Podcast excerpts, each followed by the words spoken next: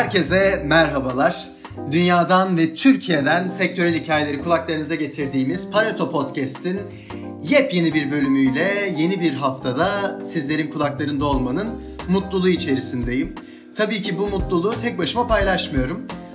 Bildiğiniz üzere yanımda sevgili arkadaşlarım Borga ve İren de benimle birlikteler. Borga, İren hoş geldiniz. Hoş bulduk Orçun. Hoş bulduk Orçun. Gerçekten çok güzel bir gün. Herkese iyi bayramlar. Sizlere de iyi bayramlar. Valla iyi hatırlattın. Herkese sevgili Pareto dinleyicileri sevdikleriyle birlikte mutlu bayramlar diliyoruz buradan. Bu hafta ilginç bir hafta ve bizler için de her bölümü hevesle bekliyoruz elbette kaydetmek üzere ama bu haftanın konusu öyle bir konu ki bence konu eğer bu konu olmasaydı Pareto'da konuşulacak olan eminim ki dikkatli takipçilerimizden bazıları ya Pareto'da bunu konuşmalısınız derdi. Muhtemelen o dikkatli takipçiler şimdi konuyu nereye getirdiğimizde hissetmişlerdir. Bugün tek bir konuyu konuşacağız ama çok çok çok fazla konuya bedel bir gündem bence. 29 Temmuz 2020'de tarihi bir duruşma gerçekleşti. Valla İren, Borga ben geride bıraktığımız dönem ya internet üzerinden nasıl görüşmeler yapılacak, hangi dersler, hangi öğretmenlerce sınıflarda işleniyorken birden internete taşınacak, neler olacak, neler bitecek diye düşünüyordum. İnternet dünyanın teknoloji devlerini bir duruşma salonuna kadar sokmuş bulundu aslında. O yandan da çok tarihi bir buluşma. Amazon'un, Apple'ın, Google'ın ve Facebook'un başındaki kişiler rekabet kuralları tadında başlıklardan kurulun önüne çıktı ve Amerika Birleşik Devletleri'nde Temsilciler Meclisi'nin önünde ter döktü desem herhalde abartıyor olmam. Lafı çok uzatmak istemiyorum. Borga, senle başlamak istiyorum. Buradaki dört büyük dev de hayatlarımızın kıyısından köşesinden değil, gerçekten birçok noktasından bizleri ve dünyada yaşayan diğer birçok insanı etkileyen teknoloji şirketleriler. İlk başta bu şirketleri 29 Temmuz 2020'deki bu tarihi duruşmaya götüren etmenler nelerdi onu duymak isterim. Ardından da bu duruşmaya niye tarihi duruşma deyip deyip duruyorum ve bu duruşmanın içinde neler oldu bitti bunu dinlemek isterim. Söz sende.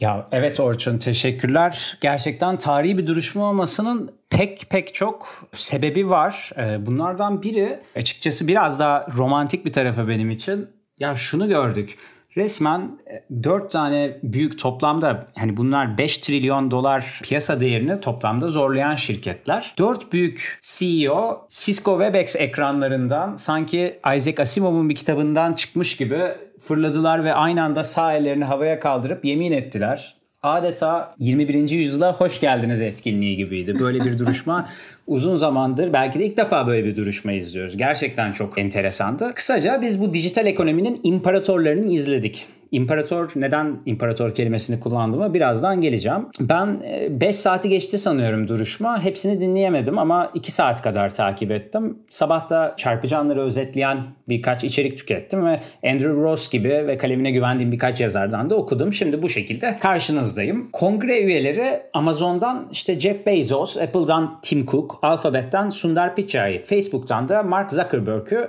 bayağı bir köşeye sıkıştırdı. Ya duruşmanın özeti ise kısaca bu adamların güçlerini kötüye kullanması şeklinde özetlenebilir. Hani Washington'un derdi buydu. Şimdi Pareto dinleyicisi Big Tech konularını benim ne kadar çok sevdiğimi biliyor. Zaten hafta aşırı konuşmamızda bu sevgim bence açığa vuruyordur. İran bana dünyada başka gelişmeler olduğunu hatırlatmasa belki de hep Big Tech konuşuyor oluruz. Ama çok açıkçası güzel bir gündemle karşınızdayız. Şimdi teknoloji imparatorları gibi bir ifade kullandım çünkü duruşmayı yöneten Rhode Island'ın demokrat vekili David Siciline duruşmayı bu çevrim içi ekonominin imparatorları diyerek başlattı. Bu bir mesaj veriyor. Apple ve Amazon daha çok burada kendi pazarlarının bekçiliğini üstlenen ve bu pazarlarda bir tekele dönüşmeleri üzerinden eleştirilirken Google ve Facebook'un yani Alphabet ve Facebook'un demek daha doğru olur.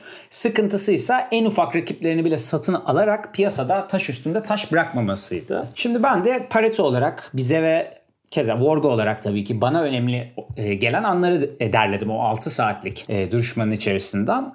Şimdi Jeff Bezos'la başlamak istiyorum. Bir numaralı şüpheliydi benim gözümde kendisi. Çok sakin bir tavrı vardı. Çok da masum bir bakışı var. Melek gibi gözüküyordu adeta ekranda. Yani genel olarak maruz kaldığı soruları tahmin edersiniz. Üçüncü taraf satıcılarla olan ilişkileri üzerinden şekillendi bütün muhabbet. Şimdi Frontline PBS diye bir kanal var YouTube'da. Amazon Empire isimli bir belgeseli de var. Amazon'un ilk 50 çalışanından isimlerle röportajlar içeriyor. Ben bunu Pareto dinleyicisine şiddetle tavsiye ediyorum. YouTube'dan Amazon İmparatorluğu diye aratırsanız bütün bu muhabbeti 1 saat 50 dakikada falan ve çok akıcı bir belgesel.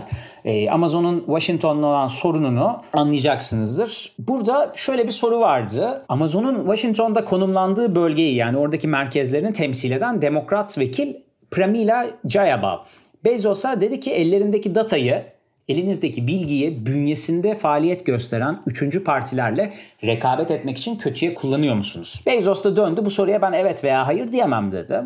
Zaten izleyenler de fark etmiştir. Bunlar ifade olduğu için esasında vekillerin yapmaya çalıştığı bu liderleri köşeye sıkıştırmak ve kararı dinleyen halka, insanlara bırakmak. Şahsen Amazon üçüncü partilerin datasına sahip ve bunları kullanma imkanı varken gördüğümüz kadarıyla kullanmadığını düşünmek saflık olur. Fakat siyasilerin sorularında ben biraz formalizasyon eksikliği dikkatimi çok çekti. Çünkü kötüye kullanım çok geniş bir kavram. Neyse yani Amazon'un problemi genel olarak üçüncü partilerle olan sıkıntısı e, üzerinden şekillendi. Bu belgeselde de zaten daha önce kütüphane olarak ortaya çıkan Amazon'un bünyesine aldığı kitap satıcılarını nasıl bir süre sonrasında kendi şartlarına uymaya zorladığı üzerine pek çok döne mevcut. Şimdi Tim Cook'a geçiyorum, Apple'a dönüyorum. Onların da ana gündem maddesi yine bir pazar olan App Store'du. Liderlerin birbirlerine dolaylı laf soktuğunu da sezdim. Mesela örneğin Tim Cook Tan önce Alphabet'in CEO'su Pichai sözü almıştı. Yani Google'lı bünyesinde bulunduran şirket. Pichai dedi ki bizim hedefimiz tüm teknolojiyi her yerde daim kılmak. Oradan güzel romantik bir hikaye de anlattı. Ben işte Hindistan'da doğdum. Üniversiteye kadar bilgisayar görmedim.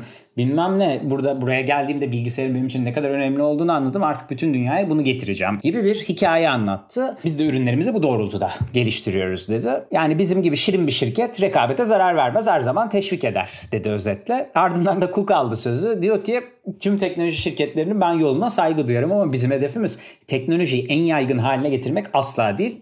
Bizimki en iyi teknolojiyi üretmek. Tabii Cook da çarpıcı bir soruyla sarsıldı. Jerry Nadler'dan geldi bu da New York vekili. Nadler dedi ki siz Airbnb ve bir de fitness uygulaması vardı ClassPass. Bunlara ekstra komisyon kesiyormuşsunuz dedi. Şimdi diyorsunuz hani herkese eşit şartlar ama geliştiricilerin ürünleri ve elde ettikleri gelirler üzerinden ekstra komisyon İstiyor musunuz, istemiyor musunuz? Cook da dedi ki biz böyle bir şey asla yapmayız. Ama dedi bazı durumlarda ekstra ödeme kesintileri olmalıydı. Bu özellikle pandemi döneminde dedi. Yani cümle, o statement, o fikir kendi içinde tutarlı değildi.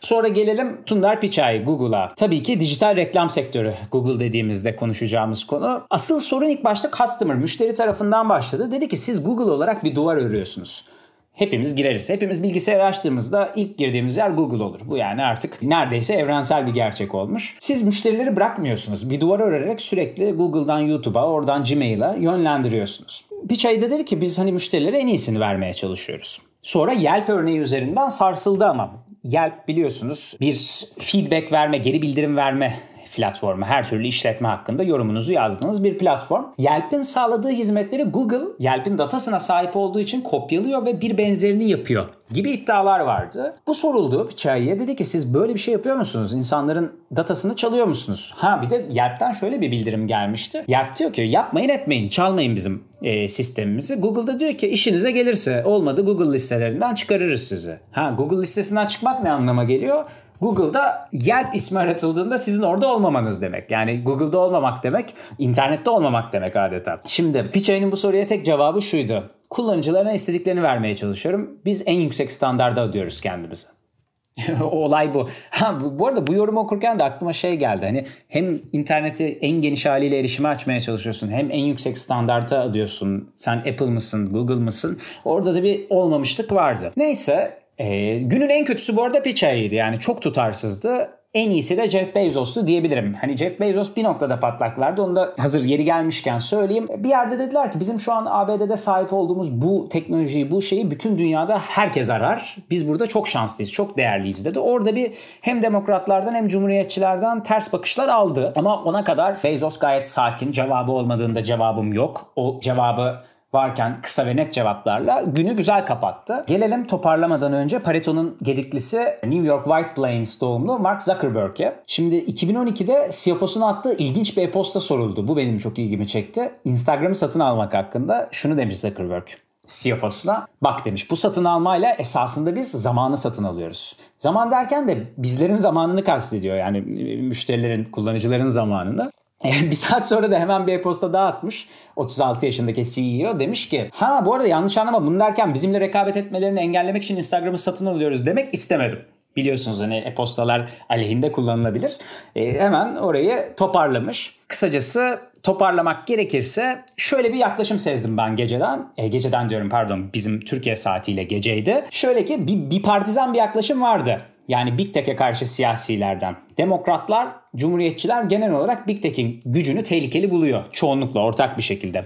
Ama apayrı nedenlerle. Şimdi Cumhuriyetçilerin tavrı biraz da firmaların kendilerini ve düşüncelerini bu muhafazakar düşünceyi yok sayma gayesi içinde olduğu üzerinden şekilleniyor. Demokratlar daha sol bir noktadan yaklaşıp rekabeti yok etme yani gecenin asıl günün yine tekrar düzeltiyorum ana teması e, üzerinden şekilleniyor iddiaları. Esasında yoksa cumhuriyetçiler bu firmaların bu kadar güçlü olmasından hayli memnun. Zaten e, Big Tech firmaları da yer yer e, savunmalarını şundan kuruyor. Diyorlar ki bundan yıllar öncesinde en büyük teknoloji şirketlerinin hepsi ABD merkezliydi. Şimdi yarısı Çin merkezli diye Cumhuriyetçileri de hafiften fişfiklediler gibi geldi bana. Yani diyeceklerim bu kadar. Ben daha konuşurum sabaha kadar. Ha, bu sefer de akşama kadar yine karıştırdım. Çektiğimiz saatlerle ben e, lafı bırakayım artık. Valla Borga ağzına sağlık ama yani insan düşünmeden de edemiyor. Pareto'daki birçok başlıkta Ara ara sizler detaylı araştırmalarınızı, aktarımlarınızı dinleyiciyle paylaşırken şunu düşünüyorum. Ya diyorum bu konu 4-5 sene evvel biz Pareto'yu kaydettiğimizde karşımıza gelseydi bu dinamik böyle etki tepki ilişkilerinin olduğu ağ içinde bu sefer nelerini konuşuyor olurduk acaba diye. Ve gerçekten de Facebook'la başlayarak Apple'ın, Google'ın, Amazon'un son 10 sene içerisinde, son 5 sene içerisinde ve son 2 sene içerisinde bu dinamik ağda edindikleri yerler, gündem oldukları başlıklar her biri ilginç şekillerde bazen çok iyi yükseliyor, bazen sarsılıyor duruyor. Ama an itibariyle aslında bu bildiğimiz o Amerikan rüyası dediğimiz şeyin en büyük örnekleri olarak atfettiğimiz bu kurumlar gerçekten de duruşmalar önünde ter döküyorlar. Ve İren bunu sana da yönlendirmek isterim. Bu tarihi duruşma sen neler gözlemledin? Sen hangi noktalara parmak basmak istersin? Evet teşekkürler Orçun. Ya Vorga zaten çok güzel bütün bu e, ana suçlamalardan bahsetti e, bu 4 CEO'ya yöneltilen suçlamaları anlattı. Ya ben biraz daha şirket özelinde bakmaktan ziyade şirketlerin kendilerine yöneltilen suçlamalardan ziyade olayın biraz daha geneline bakmak istiyorum. Bu antitrust soruşturmasına, teknoloji sektörünün nasıl regüle edilmesi gerektiğine ya da buradaki zorluklardan bahsetmek istiyorum biraz. Şimdi öncelikle kendi izlenimimi söyleyeyim benim bu şeye ifadeye dair e, duruşmaya dair. Ben de tamamını izlemedim. Bir kısmını izleme şansım oldu. Ya nasıl desem bilmiyorum belki de öncesinde biraz daha beklentiye girdiğim için biraz aslında çok beklediğim kadar iyi değildi benim için duruşma. Öyle çok şey yapmadım yani. Ben daha böyle daha sert geçmesini bekliyordum belki ama bu da muhtemelen şeyden dolayı e, bu insanların malum pandemi dolayısıyla gerçek bir duruşmaya katılamayıp Cisco'nun bir sistemi telekonferans sistemi üzerinden bağlanmışlar sanırım. Onun üzerinden katılmalarından dolayı e, aradığım heyecanı ben kendi adıma bulamadım. Burada biraz. İren bölüyorum seni sadece sormak istedim. Sen ya ben de biraz öyle bekliyordum. Vizyona yeni giren bir Avengers filmi tadı arıyorduk sanki bizler takipçiler olarak. Ya bilmiyorum işte e, şeyde hani hafta başında zaten ertelendi duruşma. Hani ertelenmeden önce de işte okuyorduk ediyorduk bakıyorduk işte çok, çok büyük duruşma şöyle böyle bir şeyler bir şeyler de. Ben dediğim gibi o aradığım tadı bulamadım yani bu duruşma. Niye? Çünkü şu yüzden bulamadım. Ya elle tutulur bir şey yok ortada. Yani konuştular konuştular işte 5 saat 6 saat konuştular sordular ee, işte bütün cumhuriyetçiler demokratlar o kanun koyucular işte haşladılar CEO'ları bir anlamda. Ama günün sonunda ne çıktı derseniz ortaya. Ya yani benim baktığımda gördüğüm kadarıyla şey çıkmadı dediğim gibi. Oyunu değiştirecek bir ifade çıkmadı. CEO'ların hepsi bir şekilde şey yaptı yani tamamen soruları savuşturmaya, kaçınmaya şey yaptı. Belki işte önemli olabilecek Ya hatta şunları söyleyeyim size.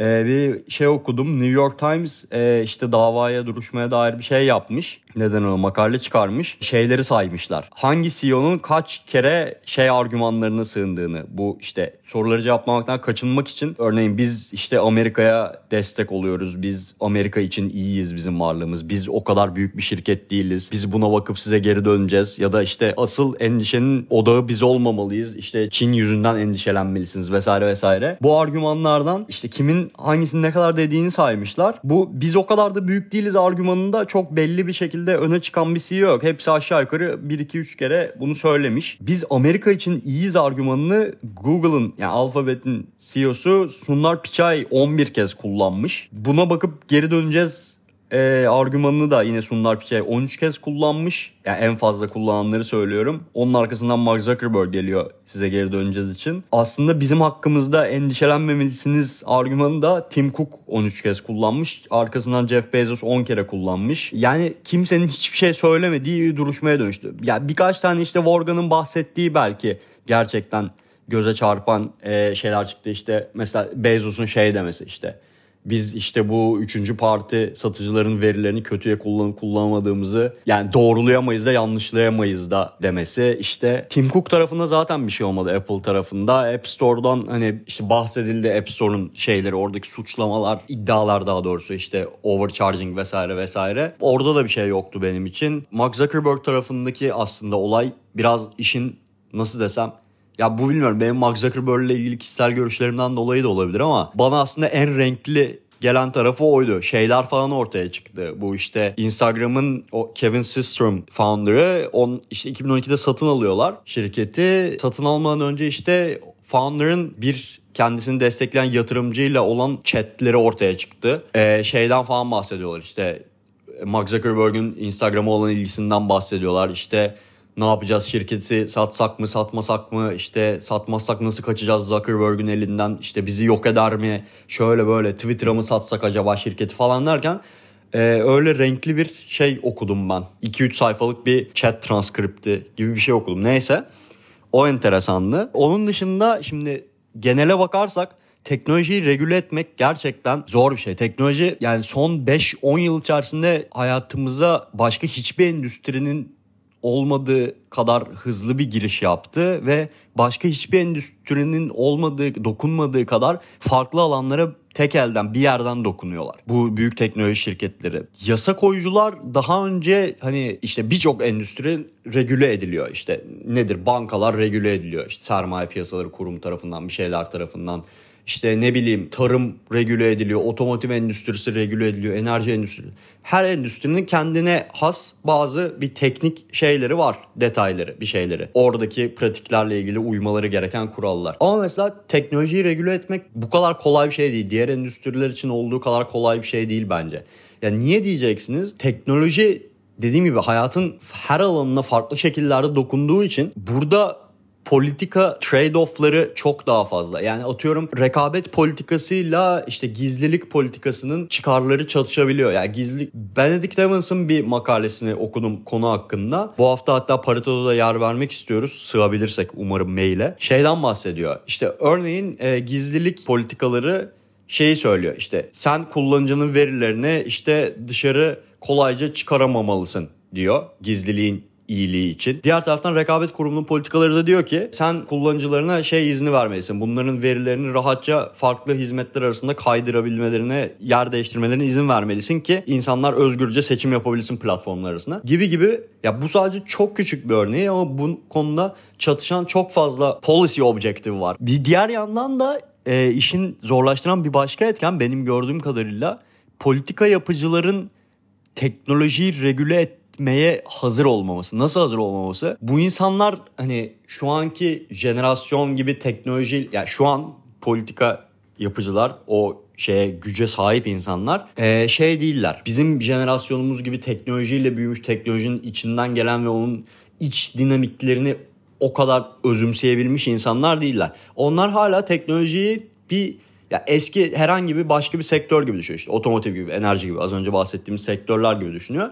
Ve o bakış açısıyla regüle etmeye çalışıyor. Yani mesela antitrust soruşturmasından bahsediyoruz. Niye tekelleşmeyi engellemek istiyorsun? Normalde standart bir endüstride tekelleşmeyi işte son kullanıcının e, ödediği fiyatlar, ücretler yükselmesin diye engellemek ister. Son yani rekabetin şeyi amacı son kullanıcıyı korumaktır. Ama mesela burada bakıyorsunuz 2012'de işte Facebook'un e, Instagram'ı satın almasında Federal Trade Commission FTC inceliyor davayı önüne geliyor. Alabilir mi alamaz mı diye. FTC bakıyor diyor ki Facebook'un servisleri, hizmetleri bedava. Instagram'ınkiler de bedava. Burada kullanıcıları zarar verecek bir şey yok.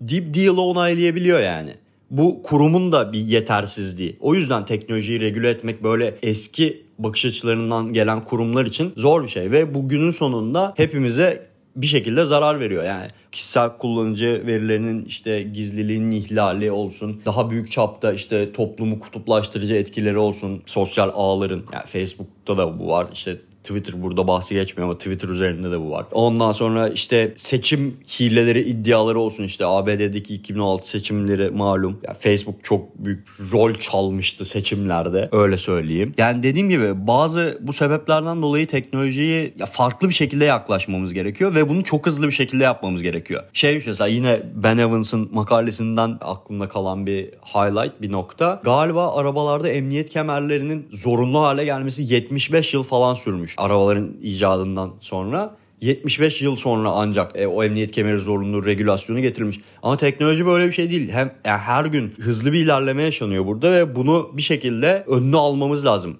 Çünkü hayatın her alanını birbirine bu kadar bağlayan teknoloji sorunlarımızı da hepimizin sorunlarını da birbirine bağlamış oluyor bir noktada. Benim dava hakkındaki e, bu duruşma hakkındaki görüşlerim böyle. Yani, e, evet Facebook'un Instagram satın alması üzerinden verdiğin örnek dünkü savunmalarda da aslında pek çok pozisyonu açıklıyor. Zuckerberg'in bir noktada dediği bir cümle vardı. Cümleler bütünü vardı. Dedi ki biz pazarımızda şey değiliz ne denir? Asla bizim pazarımız çok kompetitif, çok rekabetçi bir pazar. Çünkü biz gelmeden önce Facebook'la, Instagram'la biz AT&T yani onların oradaki telekom operatörüyle mücadele ediyorduk. Onlar SMS üzerinden para kazanırken biz insanlara bedava mesajlaşma verdik. Sonra Amazon'a döndü dedi ki bakın buradaki adam Jeff Bezos gelmeden önce dedi Walmart vardı dedi. Bu adamın pazarında Walmart var dedi. Bizi teknoloji şirketi olarak değil rekabet ettiğimiz bir bütünle görün savunmasını yaptı. Pek çok CEO duruşma esnasında bu savunmayı kullandı. Bence çok doğru değil. Açıkçası bunlar teknoloji şirketi ve pazarları apayrı o şekilde bakmak. Ama bu şekilde bakan kanun yapıcılar, yaşça büyük kanun yapıcılara böyle bir savunma yapmak açıkçası belli vekilleri ikna etmiş olabilir diye düşünüyorum. Bana bu savunmanın kurgulanma pozisyonu biraz da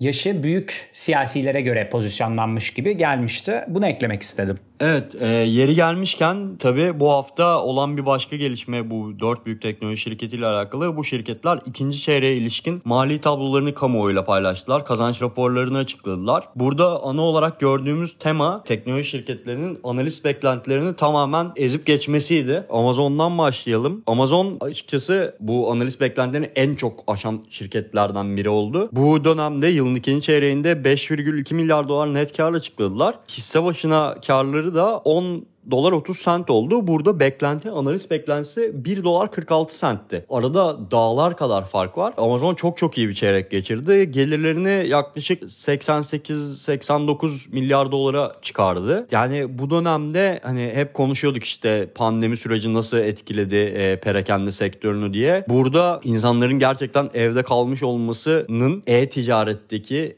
e-perakendedeki nasıl yansımış olduğunu bu rakamlar bize gösteriyor. Çok fazla bir şey söylemeye gerek yok gerçekten. Amazon adına burada gerçekten inanılmaz iyi bir çeyrek geçirdiler. Diğer tarafta Apple'a dönersek Apple da yine analiz beklentilerini baya baya aşan şirketlerden biriydi. Apple'ın ikinci çeyreği değil de mali yıllarının üçüncü çeyreği olarak açıkladılar bu son açıkladıkları raporu. Gelirlerini rekor seviyeye taşıdılar öncelikle. 59-60 milyar dolarlık bir gelir elde ettiler. Bu önceki yıla kıyasla %11 artış anlamına geldi Apple için. Tüm ürün kategorilerinde satışlar arttı. iPhone ve Mac satışları biraz daha görece olarak kısıtlı kaldı bu dönemde ama özellikle giyilebilir ürünler tarafında yani Apple Watch tarafında satışlar güzel bir artış gösterdi Apple için. Hizmetler tarafında da servislerinden rekor gelirler vardı. Ne vardı burada? Apple Müzik'ten tüm zamanların rekor geliri geldi. Zaten görece yeni bir hizmet sayılır. Ve asıl tabii bu antitrust soruşturmasında da duruşmanın gündeminde olan App Store. App Store tarafından da yine tüm zamanların rekor geliri gelmiş oldu. Yani işte biz o kadar büyük değilizler falan falan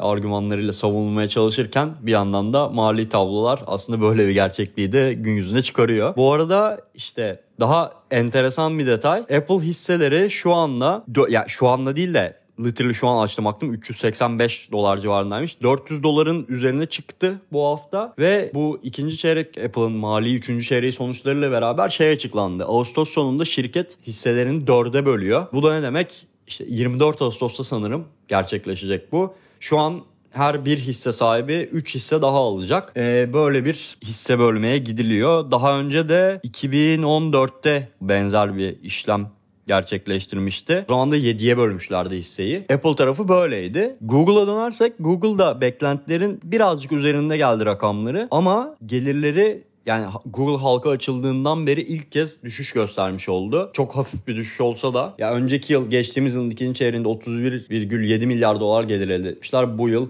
31,6 milyar dolara düşmüş bu. Çok büyük bir değişim değil tabii ki ama gelirlerin biraz böyle tökezlemiş olması bize başka şeyler gösteriyor olabilir. Asıl burada Google'ın en büyük segmenti tabii ki reklamlar. Reklam gelirleri yıllık yaklaşık %10 düşmüş önceki yılın ikinci çeyreğine göre bu çeyrekte. Ancak bu bulut teknolojileri, bulut hizmetlerinden elde ettiği gelir de önceki yıla göre %40'ın üzerinde artmış.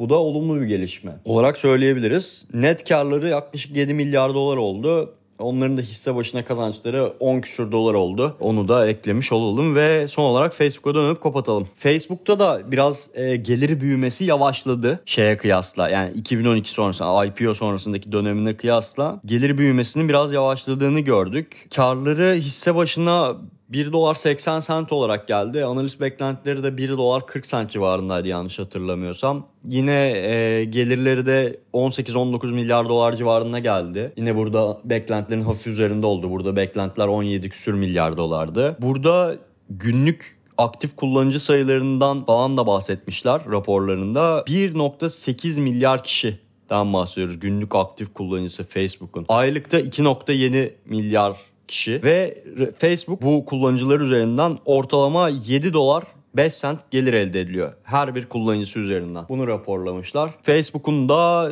açıkçası çok başka gözüme çarpan ekstra bir şey yok bu kazanç raporlarında. O yüzden böyle bitirebiliriz konuyu. İren ağzına sağlık. Valla kapsamlı bir aktarım oldu. Bu kapsamlı aktarımda ilk başta 29 Temmuz'daki tarihi duruşmayı bir de senin yorumunla dinledik. Ardından da şirketlerin, bu duruşmaya katılmış şirketlerin raporları alakadar bizlere verileri paylaştın. Aklımda söylediklerinden en net kalan manşet şu. Eski dünyanın düzeni ve yasa koyucularıyla, eski zihniyetle yeni dünyanın ürünleri arası köprü bazı değişimler olmadan kurulamayacak gibi gözüküyor. Kesinlikle. Ve sevgili Pareto dinleyicileri, bir bölümün daha sonuna geldik. Bu bölümde 29 Temmuz 2020'de Amazon, Facebook, Google ve Apple'ın liderlerinin ABD'de Temsilciler Meclisi önüne çıkmalarını konuştuk. Buradaki gündemi, oradaki sorguyu, suali, bu kişilerin neden oralara çıktıklarını